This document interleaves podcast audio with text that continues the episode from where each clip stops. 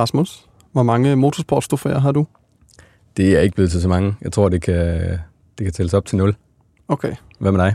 Øh, jeg har engang betalt for et, og så vandt min lillebror det så, så jeg fik ikke engang lov til at tage det med hjem. Det er for dårligt. Øh, jeg kigger over på dig, Michael Christensen. Hvad, har du tal på, hvor mange du har? Nej. Ja, vi er nok over to, ja, 200-300, vil jeg skyde på. Jeg ved det ikke.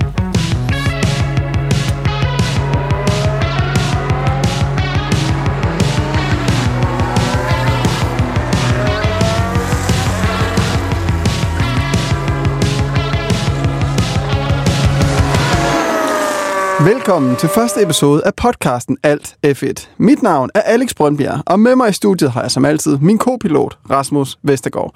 I Alt F1 kommer vi til at sætte fokus på Formel 1, men vi elsker også at snakke om de danske stjerner i alle de andre mesterskaber. En af dem har snedet sig ind i studiet som tredje kører, og det er nemlig dig, Michael Christensen. Velkommen til. Ja, tak skal I have. Øhm, hvordan har du det? Jeg har det godt. Øh, Jeg synes, jeg har haft lidt meget fri her nu. Øh, December, nu er det midt januar. Jeg skal også afsted lige om lidt, men, men jeg har det godt. Jeg glæder mig til den nye sæson. Øh, 2023 var en, der trak tænder ud øh, på mange fronter. Så det var et hårdt år, men øh, også spændende, lærerigt. Øh, nu skal vi se, om vi kan eksekvere på det, vi har lært i 2024. uh, så det, det glæder mig til. Jeg glæder mig til at komme i gang. Du sagde, du havde meget fri. Hvad, hvad har du lavet her i december? Jamen for første gang i mange år har jeg egentlig haft tid til at være i Danmark. Øh, jeg flyttede til Danmark, og øh, egentlig bare prøvet at, at lade det sænke ind. Der er selvfølgelig også nogle praktiske ting ved at flytte, men, men, men så det, det, det er klart, det skulle der styr på. Men, men egentlig det, der har været nogle møder, der har været noget forberedelse selvfølgelig til, til, til øh, 24-sæsonen, øh, som, er, som er betaget øh, selvfølgelig øh, sådan lidt mere øh, online øh, og på distancen, men også øh, selvfølgelig været nogle møder i Tyskland og andre steder, som der selvfølgelig skulle øh, følges op på. Uh, men egentlig ikke ret meget sportsligt. Rent sportsligt er der egentlig ikke sket en skid. Uh, han er noget, noget, sådan noget julefrokostskuk her, der, og sådan lidt af hvert. men, men, men det, det tæller ikke, synes jeg. Så, Nå, okay. så jeg egentlig prøvet at, at, at dyrke mig selv og ja, min familie, venner og det, der nu er her i Danmark, som jeg ikke har været uh, selv, ret god til at dyrke i de sidste 10 år. Julefrokost go-kart. Er, der, ja. er, det, er, altså, konkurrerer I der, eller er det bare for sjov? Kan I godt lægge altså, jeg sagde til, jeg, jeg sagde, jeg, jeg, jeg, jeg kører normalt ikke, uh, og det er ikke fordi, at jeg ikke vil, jo lidt faktisk. Altså, jeg, det giver mig ikke det helt store kick, det gør det altså ikke uh, længere, uh, når vi snakker om udlejningsgokart. Uh, men jeg vil gerne, fordi det er nogle gode drenge, det er tætte på, på mig, og, altså, men, men der har et krav, det er, at jeg starter sidst, når vi kører løbet, for ellers så så ligger jeg så, så keder jeg mig. Altså, det gør jeg. øh, og det er ikke for... Ja. Sådan er det jo bare. Altså, så, det, så jeg synes, det er sjovere, hvis der sker lidt. Og det er måske også lidt sjovt for dem, og det, det lod til, at, det, at, at, at, at det var en god måde at gøre det på. Men, øh, men ja, altså, der er selvfølgelig der konkurrence, og, og, og specielt når jeg kommer, så, så tror jeg, de bruger at slå mig ihjel, når jeg prøver ja, jeg at sige, kører de så lidt, uh, lidt hårdere, når, når de ser, at du er bag ved dem? Det kan godt være, det er sådan, de altid gør, men det virker voldsomt i hvert fald. okay. Lad os vende tilbage til, det, eller blive ved december. Rasmus og jeg har jo, er jo motorsportsfans og får ofte motorsport julegaver. Jeg ved, jeg har fået en bog. Hvad, har du, hvad var det, du jeg har fået? Jeg har fået øhm, 8. album, tror jeg, man kalder det, i uh, Michel Valang-tegneserien. Øh, øhm. Så den, øh, den glæder mig til at læse. Hvad, mm. kender, du, øh, kender du den? Ja, ja øh, absolut. Jeg har ikke læst øh, alle deres episoder og alt det. Men, der er også mange. nej, nej, men jeg ved, jeg kender til det, og for det ikke skulle være løgn, så øh, det team, jeg kørt for, det var en 24 timers bag, lavede en tegneserie omkring det løb. Mm. Så jeg har selv min egen okay. øh, episode. Er du med i den? ja. Så du kan den? Okay. Det må vi have fat i. i. det, jeg tror, den er lidt limited, men øh, jeg har en, der står derhjemme. Nå, okay. Mm. Nå, men det vil vi vel frem til, det er, når man er racerkører, får man så også motorsportsrelaterede julegaver? Nej, det, det gjorde jeg engang. Ja. Dengang jeg startede med at køre go-kart, der ønskede mig nye racersko, eller handsker, eller hvad det måtte være, en dragt. Øh, fordi det var dyre ting. Altså, det, det, er, det, er, det er ja, øh, høj kvalitets øh, sportsudstyr, øh, som øh, det bliver jo slidt sådan noget. så man skulle gerne have det nyeste, og der kommer nogle nye ting selvfølgelig. Det er lidt fashion jo. Øh, så, så der var jo øh, absolut øh, det er på øverste på listen, ikke? Øh, der, der vil man gerne have, hvor man så godt ud, når man udfører sin sport, ikke? Så, så det var det, det handler om. Men nu, det er godt nok længe siden, jeg har ønsket mig noget, egentlig. Men også, men, også, men også, øh, men også sportsrelateret. Ja. ja.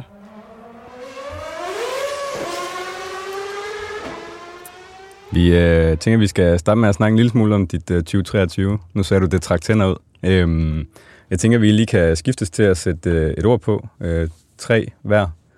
Jeg tror, det er mig, der skal lægge ud. Endelig kører du i, øh, i topklassen i Hypercar, efter rigtig mange år i, i GT, som selvfølgelig også har været øh, sindssygt fedt og, og fed konkurrence med mange øh, fabrikker. Men jeg tænker alligevel, der er noget særligt ved at køre øh, i den største klasse. Ja. Kan du ja, genkende det? Øh, det var jeg vist ikke, hvis vi svare på det, men ja. Nej, men det kan du sige. Endelig, øh, jeg fik jo en første smagsprøve på det, da jeg tre-fire måneder, ah, halvt år efter, blev fabrikskører for Porsche. Så blev jeg smidt i en LMP1-bil, ikke? Og der, der kom jeg fra en Carrera Cup-bil, det er lidt noget andet som er helt noget andet. Og der testede jeg faktisk samme dag med Hulkenberg, øh, da han øh, kørte. Der kørte jeg jo Formel 1 samtidig, jeg skulle køre Le Mans det år. Øh, det, der med, det der er med sådan noget, det er, at når du har været i Formel 1, så skal du ikke testes af. Øh, og jeg var lige, jeg for et halvt år siden fået en kontrakt til at være med som fabrikskører for Porsche. Og det er bare som om, at folk kigger anderledes på det. Det var så Andreas Seidel, øh, der var vores teamchef på det tidspunkt. Og det eneste, jeg får at vide, det er, if you touch the green stuff, then you're out forever. øh, og så har vi en Nico Hulkenberg, der ligger og tør rundt i græsset, ikke? øh, men, men ja, jeg fik, øh, jeg fik meget, meget kort smagsprøve på det, og det var egentlig mere fordi, at der var pres på fra, fra Porsche bestyrelsen om, at de her kører, vi har nede fra juniorkører, vi skal prøve at se, om vi kan skabe noget internt, altså noget, vores Young Driver øh, program, vi skal se, om vi kan få dem frem, ikke? Um, men så havde vi en Andreas Seidel, der havde noget andet i hovedet. Han ville bare vinde lidt mange. Han, han ville hellere bare have de der, der er blevet testet af, så som Hulkenberg. Vi ved jo godt, at Hulkenberg han er en god kører nu. Det vidste vi også godt dengang, han var i Formel 1. Men, men øhm, der, vi havde en Mark Webber også øh, i teamet. Øhm, ellers var det gavede kører, der var over, ja, over 30 på det tidspunkt. Jeg var 23. Uh, øh, så jeg, skulle, jeg havde meget at bevise, Øh, men jeg fik 10 omgange gange to til at prøve at bevise det, ikke? Um, som var... Øh, meget lidt. Men jeg synes faktisk, jeg gjorde en god indsats. Øhm, det blev ikke til noget. Jeg havde et par test med dem, så det var ikke bare en gang. Så man kan sige, der var en, en form for smagsprøve meget tidligt. Alt for tidligt egentlig. Øh, i, i det her, den her rejse. Men når jeg kigger tilbage, lige et par år efter, var jeg sådan lidt, ah, det var sgu irriterende, at det egentlig ikke, det ikke blev til noget, fordi det var så succesfuldt, det program. Og som du kan sige, endelig, det er jo også det her med statussymbol ud af til, med kører i den højeste klasse, man relaterer meget til en Tom Christensen, ikke? Men egentlig har jeg været super tilfreds med den rejse, jeg har haft. Jeg har vundet alle de løb, jeg gerne vil vinde i min karriere. For de fedeste teams, for det fedeste brand. Øhm, gjort det på den rigtige måde, synes jeg også. Kørt nogle gode biler. Og det er bare, det har taget noget tid, selvfølgelig, men det tager noget tid at vinde nogle ting.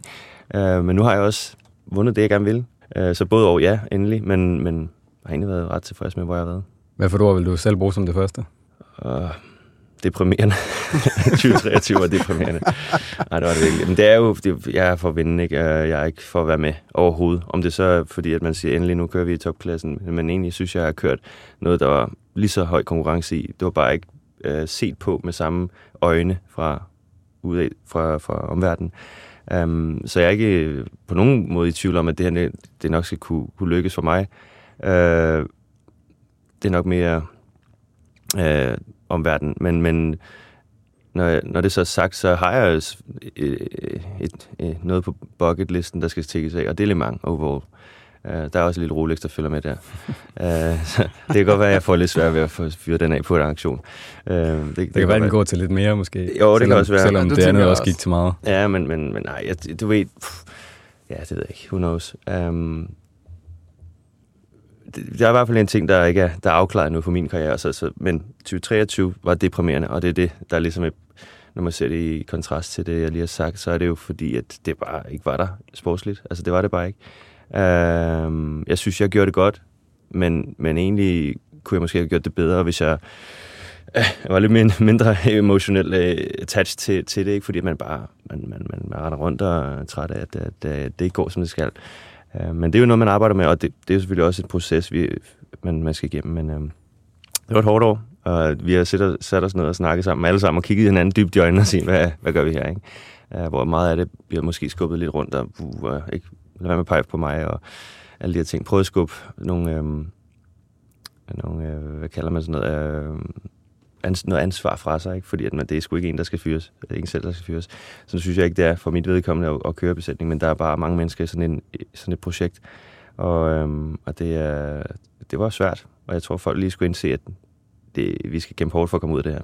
Så det var interessant år. Det passer meget godt med det næste, jeg har fundet. Øh, undervældende. Ja, Det er jo absolut. lidt derhen af. Altså, jeg tror, jeg lige har talt op. Det er kun øh, det andet år i din karriere, hvor du ikke har været på podiet. Ja, det var jeg, fordi Ja. ja. jeg kørte udlandsk go Nå, ja, ja, ja, okay. I et professionelt Okay. okay. racerløb i Ja, hvert ja. fald. Ja. Øh, det andet var, var 2010, dit første år i GP3 ja. Ja. dengang. som var decideret ved det premierende også. Ja. Ja. Hvad, for, hvad for et af de to var værst? Det var 2010, absolut. Fordi at der var mange forventninger til mig. Øh, for alle, der har fulgt mig igennem go-kart-karrieren og alle de her ting. Og, og, og der lige pludselig var der bare langt mellem snapsene, som du lige nævnte der. Ikke? Der var ikke noget overhovedet. Um, og, og for at ikke skulle være løgn, så havde jeg en kontrakt med Christian Horner og Mark Webber sammen, der øh, altså, investerede i mig pengemæssigt. Uh, og kørte også for Marks team og Christians øh, tidligere team, nu hans fars. Uh, så er der var forventninger udefra, men bestemt også for mig selv, fordi at jeg aldrig har failet på den måde, som jeg gjorde det år. Altså, uh, så det var en snibboldseffekt på den grimme måde, uh, hvor man bliver ramt af realiteten lige pludselig, når det ikke går, og ja, hvem er der, når det ikke går, og alle de her ting. Så det var hårdt, super hårdt, og karakterbyggende, vil jeg sige. Hvad med det næste år? Lærerigt. nu må vi se, hvordan det står til i 2024, men jeg, jeg vil tro, at det, lærer, det har været lærerigt. Det synes jeg, det er sådan noget, man... Motorsport, det er så specielt. Du, det er jo ikke, man går ikke ned på en fodboldbane og sparker til bolden dagen efter igen. Der går lige en måned eller to, og specielt når man vinder, der går det gå mange måneder, før man kommer ud og, og, og prøver at komme på hesten igen. Ikke? Jeg vil sige, at vi blev meget bedre hen over året, men man kom decideret forkert ud af sengen. det, det, er bare, det er bare hårdt i motorsport at rette op på. Det, det er bare ikke noget, du gør fra den ene dag til den anden, og du fikser bare ikke det der. Det, det er en proces. Der er også nogle ting, jeg skal lære. Det er en ny bil, mange systemer, super teknisk. Øh, nogle vil mene, den er mere teknisk og, og udfordrende på den front, end Formel 1-bilerne er. Fordi der er mange systemer, der kan rodes med, som kører og som team. Der er på den front også meget at lære. Jeg tænker i forhold til, øhm, til det her med at lære altså der har været en del snak om det her med, om det er jer, der kommer fra GT-bilerne, eller om det er dem, der har tidligere prototypeerfaring, øh, der egentlig har nemmest ved at tilpasse sig de nye hypercar-biler. Hvem af jer har, har skulle lære mest? Jeg tror, vi som GT-kører har haft nemmere ved at hoppe ind, og, og finde noget pace sådan rimelig hurtigt. Um, så begynder man at snakke om de her små detaljer, altså 100-delene. Hvor hurtigt kan man, altså egentlig det, det sidste, man kan trække ud af den. Og der tror jeg, når man kommer på den, øh, når, igen, GT-kørende lidt hurtigere om at finde ud af, okay, hvad er det for en base, vi kører i her? Og så nogenlunde finde ud af, hvad, hvad skal der til, for den kan køre hurtigt? Altså sådan helt teknisk set. Det tror jeg virkelig, at vi var bedre til end dem. Når det så er sagt, så er de gode racerkører. Altså prototypkørende, de, de, øh, der er en grund til, at de kører dem. Man kommer til et stadie lige pludselig, hvor at, jamen, så er du en god racerkører, eller, eller altså, ligesom alt muligt andet. Um, Lawrence Vantor var hurtigst sådan over et helt år. Så var jeg toer. Fred treer. Kevin fire, tror jeg nok. Det er meget tæt lige der omkring, men det er, det er svært at lave sådan nogle udregninger 100% og gøre dem helt fair, fordi vi kører jo aldrig samtidig i bilen, alle sammen. Men, øh, men jeg vil sige, øh, GT-kørende har ikke været en, en fail i mine øjne. Det er vi jo glade for. Ja, det er godt. dansk Ja, det er vi. øhm, det sidste ord, jeg vil til på, det er også uheldig. Øhm, jeg vil bare lige hurtigt skimmet øh, dine resultater i år. Altså, I misser, eller mister tredjepladsen øh, til allersidst på Spag. Mm. Øhm, I er uheldige øh, på Nürburgring i 24 timers løbet dernede i kvalifikationen. Øhm, I er Ja. uheldige på Le Mans også. Ja. Øhm, og på Fuji bliver I kørt af. Ja, altså, du nævner nogle ting, ikke? men, men øh, jeg, er ikke så, jeg er ikke så glad for at kigge på det på den måde. Jeg, jeg kigger ikke på det med uheldsbrillerne, lige specielt de her ting. Bag, det var jo lidt, der ikke lige var en omgang mindre på løbet, kan man sige, ikke? men så er vi blevet træer. Men igen, vi er der jo ikke forbi træer. Øh, jeg kigger på det og ser et løb, hvor vi gjorde det bedre end Ferrari. De havde bare så meget mere fart i bilen. Altså, de kommer jo flere sekunder hurtigere end os til sidst. Og det kan du bare ikke gøre noget mod. Du kan ikke, du kan ikke gøre noget. Du bliver bare overhældet, uden at minde om, hvad fanden det måtte være. Altså, øh, så uheld, det vil jeg ikke kalde det. Øh, vi var bare ikke gode nok, hurtigt nok. Vi var for langsomme. Jeg tror sådan helt øh, strukturelt og strategimæssigt gjorde vi det bedre end Ferrari. Det var bare meget hurtigere. Altså, de kunne komme fra sidste pladsen og køre fra os og overhælde alle de her ting. Og det er bare det, der er så, øh, hvad kalder man det, cruel i motorsport, ikke? Altså, hvis du er for langsom, så pff, skal du gøre det nok så godt stykke arbejde. Altså hvis bilen er for langsom i hvert fald, øh, så taber du. Ja, det ser man jo også i Formel 1 øh, gang på gang. Ikke? Altså, det, er jo, det er jo bare sådan, det fungerer. Ja. Øh, så derfor vil jeg kalde det uheldigt. Øh, ja, Nürburgring. Uheldigt, det kan måske mere snak, synes jeg, fordi det var, vi havde dækproblemer. Øh, jeg kan ikke huske, hvad vores officielle udmelding var, men det kan godt være, jeg siger for meget nu. Men, øh, men, øh, men vi havde nogle dækproblemer. Vi var egentlig hurtige, men vi blev nødt til at ændre bilsetupet igennem løbet, for at prøve at fikse det her problem. Og vi kunne ikke fikse det. Um, og øh, ja, øh, hvorfor? Det, det, det er der nok blevet analyseret på, men vi, vi havde farten, og vi kunne måske godt kæmpe om en sejr mere der. Uh, der var bare nogle ting, som vi ikke lige forstod under weekenden, og så man kalde det uheldigt, måske.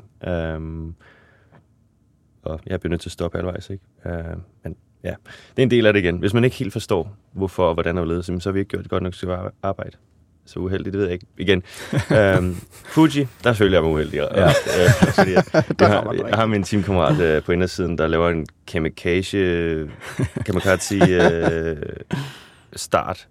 Og han siger bare, jamen, jeg, jeg, han, han var sådan bagefter, det var sgu da mega god start. Jeg fik sgu da førstepladsen. Så ja, det er sgu da kun fordi de andre, de ikke drejede ind i siden på dig, fordi du kommer som en eller anden blødning på indersiden. Og jeg, jeg, jeg lå så på ydersiden, og det er et højre sving, og kan ikke gøre noget skal bare, jeg bliver nødt til at undvige alle, og så kommer der en anden en bagfra og kører ind i siden på mig og får en punktering og kommer en omgang bagud, inden vi overhovedet startede. Uh, men egentlig det første løb, vi havde noget performance til at køre med fremme, så det var lidt irriterende. Men igen, det, ja, jeg er ligeglad med en tredjeplads, hvis det så endelig var det. Ja. det var, vi op.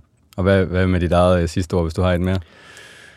Spændende. Når jeg kigger tilbage, var det spændende. Og der skete meget. Altså spændende, fordi at der var så meget nyt. Øh, nye mennesker, det er jo også altid spændende, ikke? Nye mennesker, det er jo et nyt team. Jeg har ikke kørt med, med dem før. Øh, selvfølgelig arbejder med dem i noget tid nu, men, men hvordan er det så i konkurrence, ikke? Hvordan ændrer mennesker sig? Øh, og øh, så vil jeg sige, ja, spændende på, at, at det er en rejse, man er på, ikke? Det er en rejse, man selv er med til at bygge og, og, og udvikle og forme og alle de her ting. Uh, når der er, og når det er så, som jeg lige nu er, det er ikke nogen hemmelighed længere, det var et, et, et udfordrende år, um, på mange punkter, så er der jo meget at tage fat i. Og på den måde er der også meget at lære og, og spændende. Og, altså, ja, jeg synes, det var spændende, når man kigger tilbage. Hårdt at være i. Michael, lad os kigge lidt frem mod din øh, 2024-sæson i øh, WC, hvor der jo også sker ændringer i øh, din hypercar. Dan Cameron, han øh, er tilbage til USA, og i stedet så får du Matt Campbell over. Øhm, og så fortsætter Fred McVicky også øhm, sammen med. Ja, Ja, altså, øh, jeg, jeg kendte ikke Dan før det her projekt det startede i 2022, eller det startede før, men det er der, hvor vi startede med at ja, køre i bilen og, og udvikle den, og, og hvor køren også havde noget at skulle have sagt.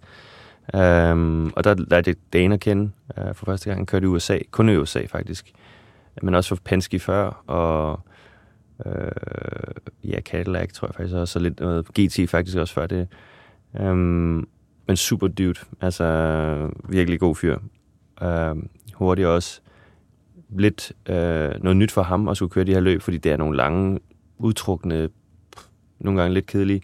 Altså det her med, at man bare ligger og kører omgang på omgang efter hinanden, uden for meget øh, drama. Og det gør jo, at den her hver omgang og hver tiende hvert sving, det er bare super vigtigt. Det er mega vigtigt, at, at, at man bare rammer den i skabet. Der er ikke så meget, der kan redde dig. Altså hvis du er langsom, så står det bare skrevet alle steder.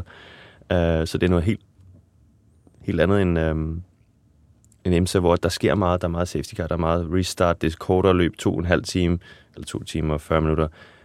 I, en, endnu kortere endda på Long Beach, 1 time og 20, to timer, tænker jeg. Ja. Nej, ja, 1 time og 20 minutter, tror jeg nok, det er. Um, så er der selvfølgelig Daytona. Det er bare en, et andet format. Uh, og, og så vil jeg også sige, at konkurrencen har været noget højere end IMSA, i hvert fald uh, i Hypercar, fordi vi har flere konkurrenter, men også øh, andre konkurrenter. Ja. Øhm, ja, Dane, Dane han, han røg tilbage til USA. Det er, det er jeg ked af. Han var super at arbejde med. Øh, når det er så sagt, så kender jeg jo Matt Campbell fra før i tiden. Han har været ved Porsche længe. Øh, og meget talentfuld. Yngre fyr. Lidt yngre end jeg. Dog ikke helt ung. men øh, hurtig. Virkelig hurtig. Og han ved, hvad han skal gøre. Så jeg glæder mig til at, at, at komme i gang med ham øh, og kender ham, og vi snakker super. Vi, han er, han er, jeg tror, han kom ved Porsche ved 2016, øh, noget den du Så vi, øh, vi har vi har hygget os før, øh, og, og kommer godt ud af det. Det skal nok blive godt. Ja, nu nævnte du selv, der er endnu flere den her gang. Alpine, BMW, Lamborghini, Isotta Fortini øh, gør en 3 i Hypercar, og øh, Ferrari de kommer så med en tredje bil, så det er i 19 Hypercars i 2024, hvor det i 23 var øh, 13. Hvad, altså, hvis øh, konkurrencen var vild sidste år, hvad, hvad tænker du så? Bliver den endnu vildere i år så? Ja, det gør den jo. Altså, øh, det, det var lidt ligesom, jeg ved ikke om topniveauet bliver, det, jo, det bliver altid lidt bedre. Jo mere man gør de her ting, er jo mere sådan konkurrence, der er generelt set i systemet, jo højere bliver niveauet selvfølgelig også på toppen. Lille smule. Det var allerede højt, synes jeg, sidste år. Toyota virkelig stærke. Le Mans, den swappede, eller svipsede for dem. Uh, men, men, men det kan der måske være andre grunde til. Uh, men Toyota er bare rigtig, rigtig svære og gør så meget ved. De har jo, ja, det er et af de teams, der bare hængt ved og forfinet deres eget team år efter år efter år i lang tid, hvor mange af os, vi starter sådan lidt, ikke fra nul, det gør vi jo ikke, der er meget erfaring fra for, forrige projekter, men mennesker gør bare en kæmpe for, forskel, altså det med, når man arbejder sammen, og man lige skal lære hinanden at kende alle de her ting. Uh, og der er mange af de nye, der er mange nye teams, uh, og det er derfor, at Toyota har en, uh, jeg vil sige, det er lidt foran på, nogle, ja. på mange punkter. Mm. Um, men hvorfor bliver det specielt sværere i år? Det er, at hvis du har en, hvis du laver en fejl nu, så er du ikke 10'er, så er du måske 19'er. Øh, og den, at komme tilbage fra sådan noget, det, det er bare svært, når der er flere biler. Og derfor er dit, jeg vil sige, bundniveauet, dit bundniveau i år, som team kører, skal være bedre, for ikke at blive øh, ramt hårdt øh, øh, på, på bundlinjen. Ikke? Um, fordi at, ja igen, hvis du laver en fejl, for eksempel Fuji, nu fik man på en ting at miste en omgang. Hvis vi ikke havde mistet en omgang, så ville vi jo så ligget 10 eller et eller andet. Og måske kunne man godt komme tilbage i en top 5. Her vil vi blive, være 19'er, der er så langt op til en top 5. Mm. Uh, og så sådan nogle ting, det, så bundniveauet, det, det, det kommer til at have en kæmpe uh, effekt i år. Selvfølgelig, topniveauet skal også være bedre, men, men, um, men det er en anden dynamik, fordi at der, der, der, der er flere ombud, simpelthen. Ja, altså nu siger du selv, det bliver sværere. Altså, hvad, hvad er, hvordan ser et godkendt 2024 ud så? uh, det er jo, at vi skal kæmpe om sejren på Le Mans. Og det er der, hvor... Altså, det er jo, det er jo fordi, det, det, det er det, vi gerne vil. Det, det, vi alle målsætning er hos Porsche. Men det er også et krav. Det er et krav for bestyrelsen. Porsche er med for at vinde, ikke for at være med. Og, og det er jo derfor, at der også har været så meget pres på side, sidste år, ikke? altså 2023, når man får en kold spandvand i hovedet, og der er ikke i nærheden af at være konkurrencedygtig, eller ja, for at kunne vinde et, et, et løb endda, øh, og specielt mange. Um, så det gør jo, at der bliver, der bliver lidt øh, trykket atmosfære i systemet, ikke? fordi at der, man underleverer bare øh, meget, og øh, det ved man godt. Man ved også, det er svært at lave om på, men det betyder ikke, at, at man kan slappe af, fordi det skal rettes op på sig. Øh, så ja, vi er med for at vinde, øh, og, og være godkendt, det er nok, at man er med, og man viser, at man kan. Man kan ikke kræve at vinde. Det er, det er jo klart, når der er mange andre, der er ombud og, og gode, men øh, vi skal være konkurrencedygtige i år. Kan, kan I mærke i garagen, øh, helt ind i bilen, at der er måske er lidt øh, dårlig stemning i bestyrelseslokalet? Øh, ja, det, det, det, det, det, behøves man ikke. Det er ikke noget, man behøver at mærke. Det ved man bare på at kigge på resultaterne. Altså det, øh, der, er, det er svært at, at kræve, at man bare er perfekt fra start. Og det, ved, det, det er slet ikke det, der er et problem. Problemet er nok mere, hvor man startede. Øh, og, og, og måske også de forudsætninger, man har sat sig selv op for. Ikke? Altså, hvis man starter med at sige, at vi, vi, vi vinder, og vi gør det godt, og la, la, la, og så gør man ikke, øhm, så er der nogen, der bliver overrasket. Og jeg ved ikke, hvordan den her snak har fået taget, taget plads, og hvordan man, har, hvordan man snakker om tingene. Det er jo ikke, det er heller ikke mit job. Øh, men jeg ved jo, hvad, det er, hvad for nogle krav, der er. Altså, det, det er ikke svært. Det er at vinde. Det er at være med om at vinde. Og der har vi ikke været. Så, så ja, man kan tydeligt mærke, at der er, der er nogle forventninger, som ikke er blevet opnået. Um, men det er ikke noget, uh, der behøver at blive sat ord på, for det vidste man allerede godt ved at kigge på resultatlisten. Så det er som det er, og det er en del af gamet, og det, vi er, altså, der er ikke nogen af kørende, eller nogen af ingeniørerne, eller nogen som helst, der er også, der gider bare være med. Altså, det er jo, og det er også det, der er fedt. Det er jo, der, er jo, der er jo meget drevet mennesker, man arbejder med, alle sammen. Om, om det så er, og det er ikke noget galt med at være en dækmand, men Øh, der er nogen, der kigger ned på dem, og de er super vigtige også. Altså selv dækmænd, de, de gør, hvad end de skal gøre for at optimere tingene. Øh, det, det, det, det er drevet mennesker, og det er fedt. Jeg tænker, det var vel sådan rimelig forventeligt, at Toyota vil, øh, vil være stærke sidste år. De havde et, øh, et forspring i, i den her klasse. Øhm, kan I fange dem allerede i år, eller skal I have længere tid? Der er ikke noget, der er umuligt, men, øh, men der, der var noget af et forspring. Ikke? Øhm, igen, det her med, at der er en anden dynamik i, i, øh, feltet i år med, at der er 19. Det vil sige, at dit bundniveau skal være højt. Og nogle gange, selvom et, et velsmurt system, øh, som Toyota-teamet er, øh, på grund af dynamikken ændrer sig lidt, så det her bundniveau, hvis det begynder at, at, at krakelere lidt, så kan du have, have en dårlig sæson. Altså bare på grund af det. Bare fordi, at hvor førhen, der havde de så hurtigt en bil, at vi kører bare op igen og forbi. Nu er der bare mange flere. Og igen, topniveauet på de her teams, der var der sidste år, bliver også bedre. Så det er måske lidt sværere at komme igennem det her felt. Uh, så det er ikke umuligt at, at, at kunne kæmpe med Toyota. Det tror jeg ikke. Jeg vil så sige, jeg forventer at uh, til at starte med på sæsonen, at de stadig er de stærkeste. Det, det forventer jeg sammen med Ferrari. Uh, hvor tæt på vi er. Nu vil vi se, vi tester i Katar her i december. Um, ah, slut november.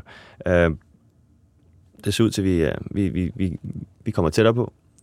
Nu må vi se, når vi skal ud og køre racerløb. Ikke? Men, uh, men uh, igen, jeg tror, der, der er mange dynamikker, der, der er noget at skulle sagt. Uh, I og med, at der er flere biler og så videre, uh, gør, at det, det er svært at vurdere helt, hvor man kommer til at stå i slutningen af sæsonen, fordi du skal, du skal have et godt bundniveau.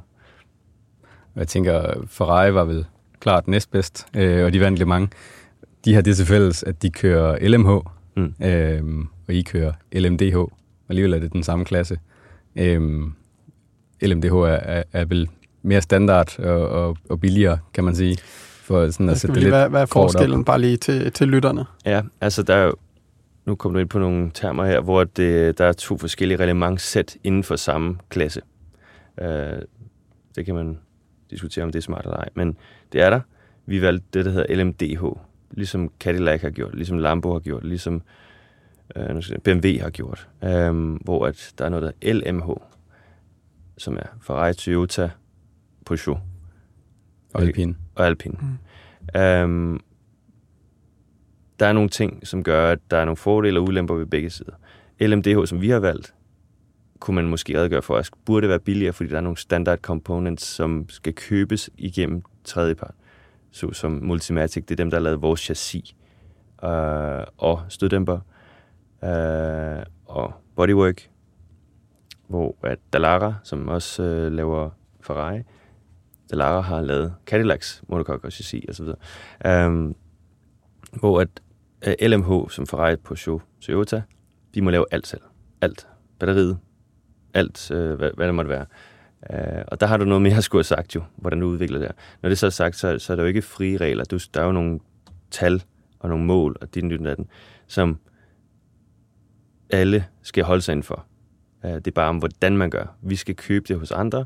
Nogle af tingene. Vi laver selvfølgelig vores egen motor nogle, og, og nogle andre dele. Øh, men der er nogle ting, vi skal købe fra andre, og det er det, man redegør for, at det burde være billigere på den måde. Det er det ikke altid.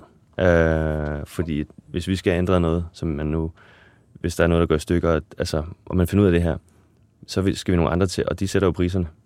Så jeg ved ikke altid, hvor, hvor, hvor, hvor, hvor, hvor realistisk det her, øh, den her tankegang om, at det var billigere at have andre til at gøre det for sig, end, end fabrikken selv. Øh, men det var tanken i hvert fald.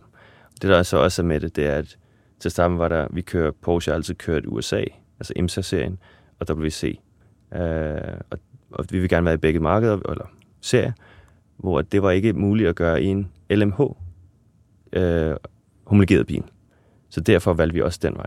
En ting håbede vi, tror jeg, min chef håbede på, at øh, det skulle være billigere, men også, at, at det var muligt at køre begge serier, køre med i Daytona og Sebring og Petit Le Mans og alle de her ting i USA, samtidig med at køre med i WC-serien af verdensmesterskabet.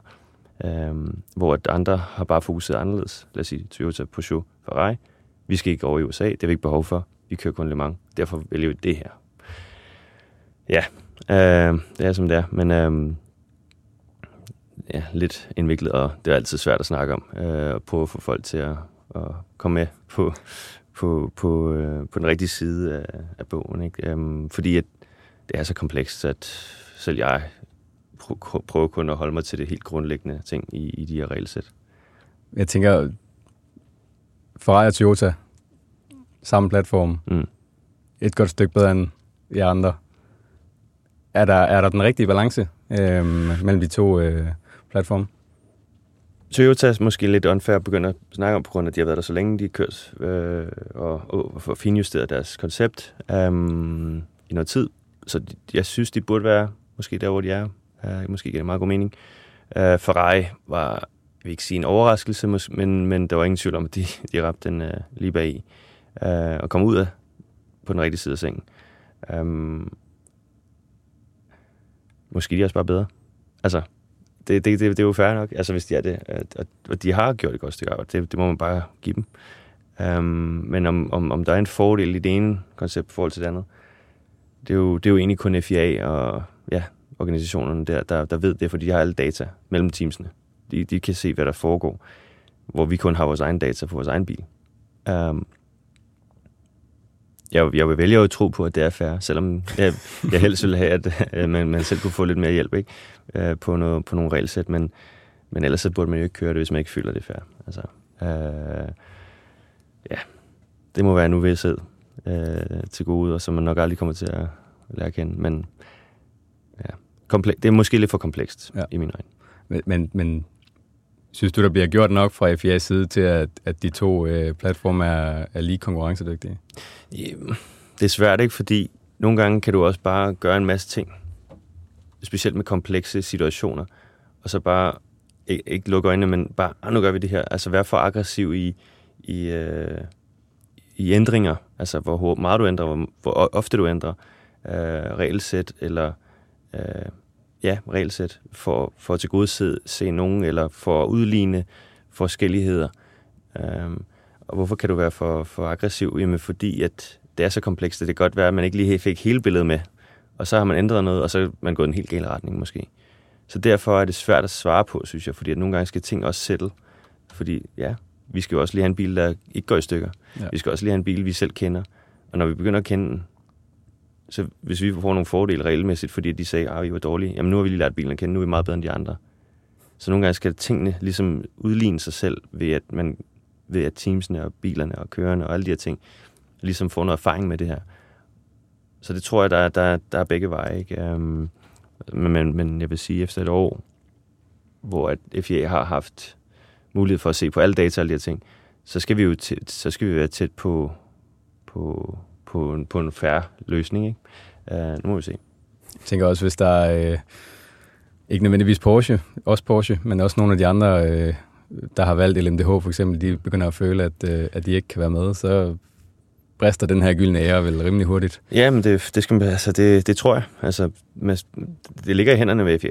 Det gør det virkelig. Der er så mange fede biler og så mange gode brands, øh, der kører mod hinanden med virkelig, virkelig dygtige racerkører. Det begynder at få noget attention, ikke? Øhm, og det ligger lige til højre benet for dem. Det er op til dem at få, få, få skabt et, et environment, som gør, at, at det er værd at deltage i, basically, ikke? og blive ved med at være der for, for, for, for de her forskellige brands og promote deres ja, biler og, og deres øh, ja, brand.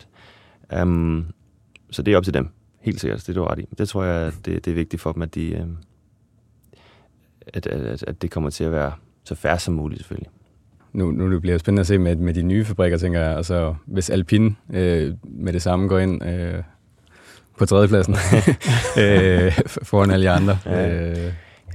Ja. Igen, man kan ikke bare forvente, bare fordi man kører i den her klasse, den her klasse, eller din, der er den, at så er man med. Du skal udvikle den. Du skal, du skal jo, altså, jeg, jeg tvivler på, at Alpine kommer bare ind og kører tredje hurtigst. Eller bliver træer det skal også holde, der skal ikke gå i stykker, alle de her ting. Um, nu må vi se, altså det, hvis det er sådan, så er det, noget, så er det ikke så godt, vel? Uh, men, men, råd for jer. men hvis vi kigger på, på show, så var de jo ikke så gode, vel? Um, det kan de godt være, de bliver. Men, um, men vi skal også gøre vores arbejde. Vi skal passe på, at ikke at fokusere for meget på de andre og sige, åh, det er så unfair for os. Jamen, så kommer vi ikke nogen vej. Altså, vi kan jo ikke lave om på det, vel? altså, det, er jo, det er jo, som det er. Og, men, men vi skal i hvert fald være sikre på, at vores bil ikke går i stykker mere skal i hvert fald være sikre på, at vi kører så hurtigt, vi kan køre i et helt løb igennem. Og det, det, det, det bliver man nødt til at holde, holde fokus der, ikke? Som, det tror jeg også, jeg er inde på tidligere, at man holder fokus, hvis man får fokus et andet sted hen, og synes, det hele er så unfair for en selv.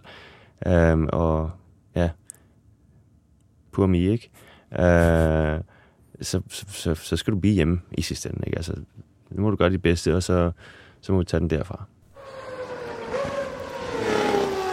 Vi hopper videre til et øh, segment, hvor vi lige spørger dig om syv hurtige spørgsmål, Okay, som du svarer, bare svarer ja og nej på. ja. Eller du svarer ja eller nej. Det ville være dumt at sige ja og nej. Nå, jeg troede lige, jeg havde en uh, tredje løsning. øh, så jeg stiller et spørgsmål, og du svarer bare så, så hurtigt du nu kan øh, ja eller nej. mm-hmm. Kommer du på et podie i 2024? Ja. Bliver det i en hypercar? Ja. Ender du på podiet på Le Mans? Ja. Vinder du et løb i VC i 2024? ja, det bliver ja det hele nu. ja. Bliver du øh, bedste dansker i øh, mesterskabet? Ja. Skal du køre et løb i Danmark i 2024? Nej. Øh, spiser Rexi konkurrenter på Daytona?